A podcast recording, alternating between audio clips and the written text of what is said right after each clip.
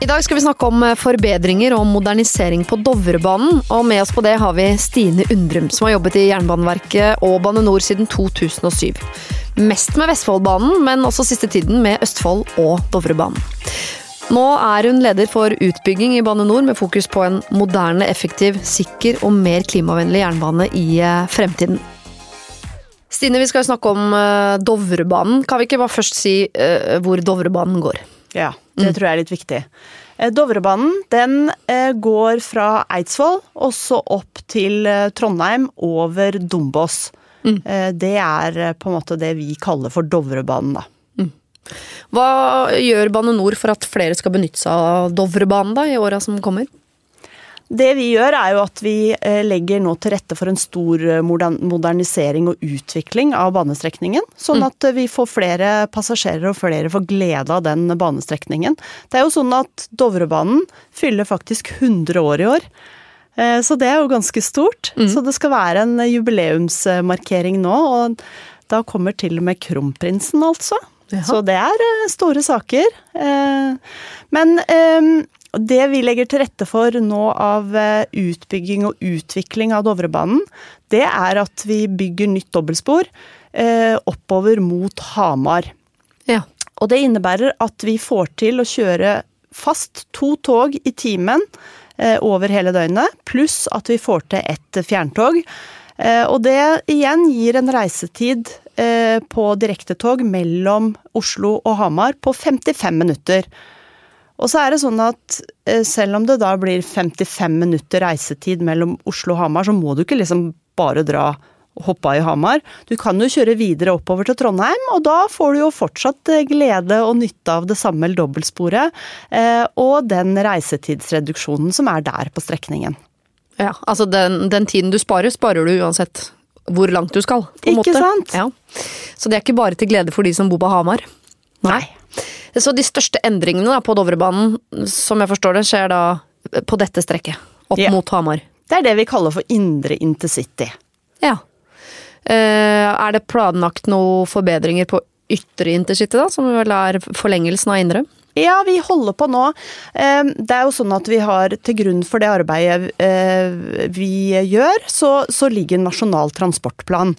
Og i Nasjonal transportplan så ligger disse prosjektene den første seksårsperioden.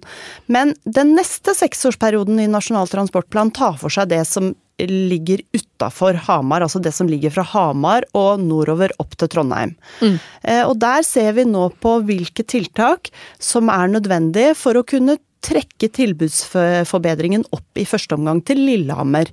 Eh, sånn at vi jobber med de tiltakene som vi trenger å gjennomføre for å kunne få et enda bedre togtilbud opp til Lillehammer. Ja. Og disse forbedringene som dere snakker om, fører det til bedre punktlighet, eller raskere reiser, eller hyppigere avganger? Alle tre.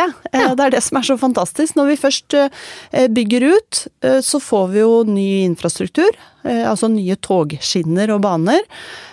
Og det gjør at punktligheten øker betydelig. Vi kan ta ut økt effekt i forhold til å kjøre flere tog, og vi kan redusere reisetida. Så det er jo et colombi-egg.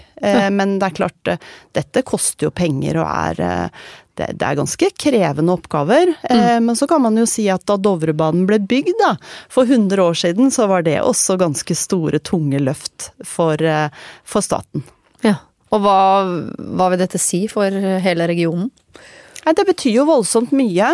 Eh, det er jo mange eh, som bor i denne aksen, og som jobber i aksen. Og det er jo ikke sånn at eh, man er nødt til å pendle fra Hamar og inn til Oslo. Det er faktisk veldig mange som bor i Oslo-området, eller oppover mot Lillestrøm eller Eidsvoll, som jobber på Hamar.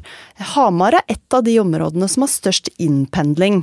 Så det er jo ganske spesielt. Og det er jo sånne tall som vi må drive og kose oss med og jobbe med, for å, for å kunne se på hvilke utfordringer vi skal løse med våre tiltak. Og så skjer det vel noe nytt med selve Hamar stasjon også? Ja, vi jobber for oss å få til Det er ikke inkludert i det, eh, det prosjektet opp til Hamar, men vi driver nå og ser på uh, å utvikle selve Hamar stasjon. For sånn som den ligger i dag, så har den akkurat like mange spor som det er på Oslo S. Oi. og det er jo litt spesielt. Ja, hvorfor er det sånn? Ja, det er fordi at Hamar har alltid vært en jernbaneby. Og tidligere så var det veldig, veldig mye aktivitet som skjedde rundt jernbanen. Altså hvis man ser på Dovrebanen som nå er 100 år da. Mm så tidligere så var det jo sånn at eh, det jobba veldig mange på en jernbanestasjon, og de drev eh, veldig mye med, med eh, gods, altså med frakt av, av diverse post og, og, sånne type ting. Så de kunne jo de kunne telegrafere opp og bestille varer i Trondheim, og så kom det med toget dagen etterpå. Og det er klart at da krevde jo det et apparat på Hamar stasjon. Ja, Og hva er det som blir annerledes nå, da? Blir den mindre? Skal du flytte den? Ja, nå, nå er jo behovet knytta til jernbane litt annerledes. Nå, nå, er det et transportmiddel fortsatt for gods, i høyeste grad. Vi er veldig opptatt av å ha gods, og spesielt på, på Dovrebanen er vi opptatt av det. Men, men, det er helt andre behov i forhold til hvordan man, eh, man gjør den siste reiseveien, da, ikke sant. Eh, hvor man omlaster gods til, eh, til vei, som regel. Ja. Er det andre holdeplasser også på denne strekningen som kommer til å forandres nå i tida framover? Ja, altså vi, eh, når vi skal bygge ut nye jernbanestrekninger, så er vi opptatt av å få en hensiktsmessig plassering av stasjonene. Altså Vi må jo selvfølgelig ha stasjoner, vi skal jo ha passasjerer med disse togene våre. Men de må ligge eh, riktig plassert og være i riktig antall. Eh, og da regner vi jo selvfølgelig på, på samfunnsøkonomi. Vi ser på kost-nytte. Altså mm. hva koster det å etablere denne stasjonen i forhold til den nytten vi får igjen. Og den nytten er ikke bare relatert til kostnader, den er også relatert til andre samfunnsmessige effekter, som det heter så fint. Mm -hmm. Så, så her, eh, her ser vi også på andre myke verdier, da. Dovrebanen 100 år eh, har du sagt eh, noen ganger, med stolthet. Eh, og da er jeg nysgjerrig på hva tenker du om Dovrebanen de neste 100 årene? Nei, jeg tenker at vi allerede har begynt på de neste 100 årene, og at vi holder fokus på effekt. Vi tenker at vi skal bygge bit for bit og ta ut de effektene som er viktige for å levere det togtilbudet som folk ønsker seg, og som er nødvendig for å gjennomføre den transportoppgaven som vi har ansvar for. Og det er det som er litt fint ved å bygge litt sånn trinnvis, da. Vi bygger bit for bit, vi lar de bitene imellom ligge. Eh, og det vi jobber med nå er jo å se på hvor må vi gjøre tiltak, på hvilke områder må vi gjøre tiltak som gir mest mulig effekt, for å kunne kjøre flest mulig tog. Eh, og det tenker jeg er bærekraft i et stort og vidt perspektiv. Tusen takk, Stine Hundrum.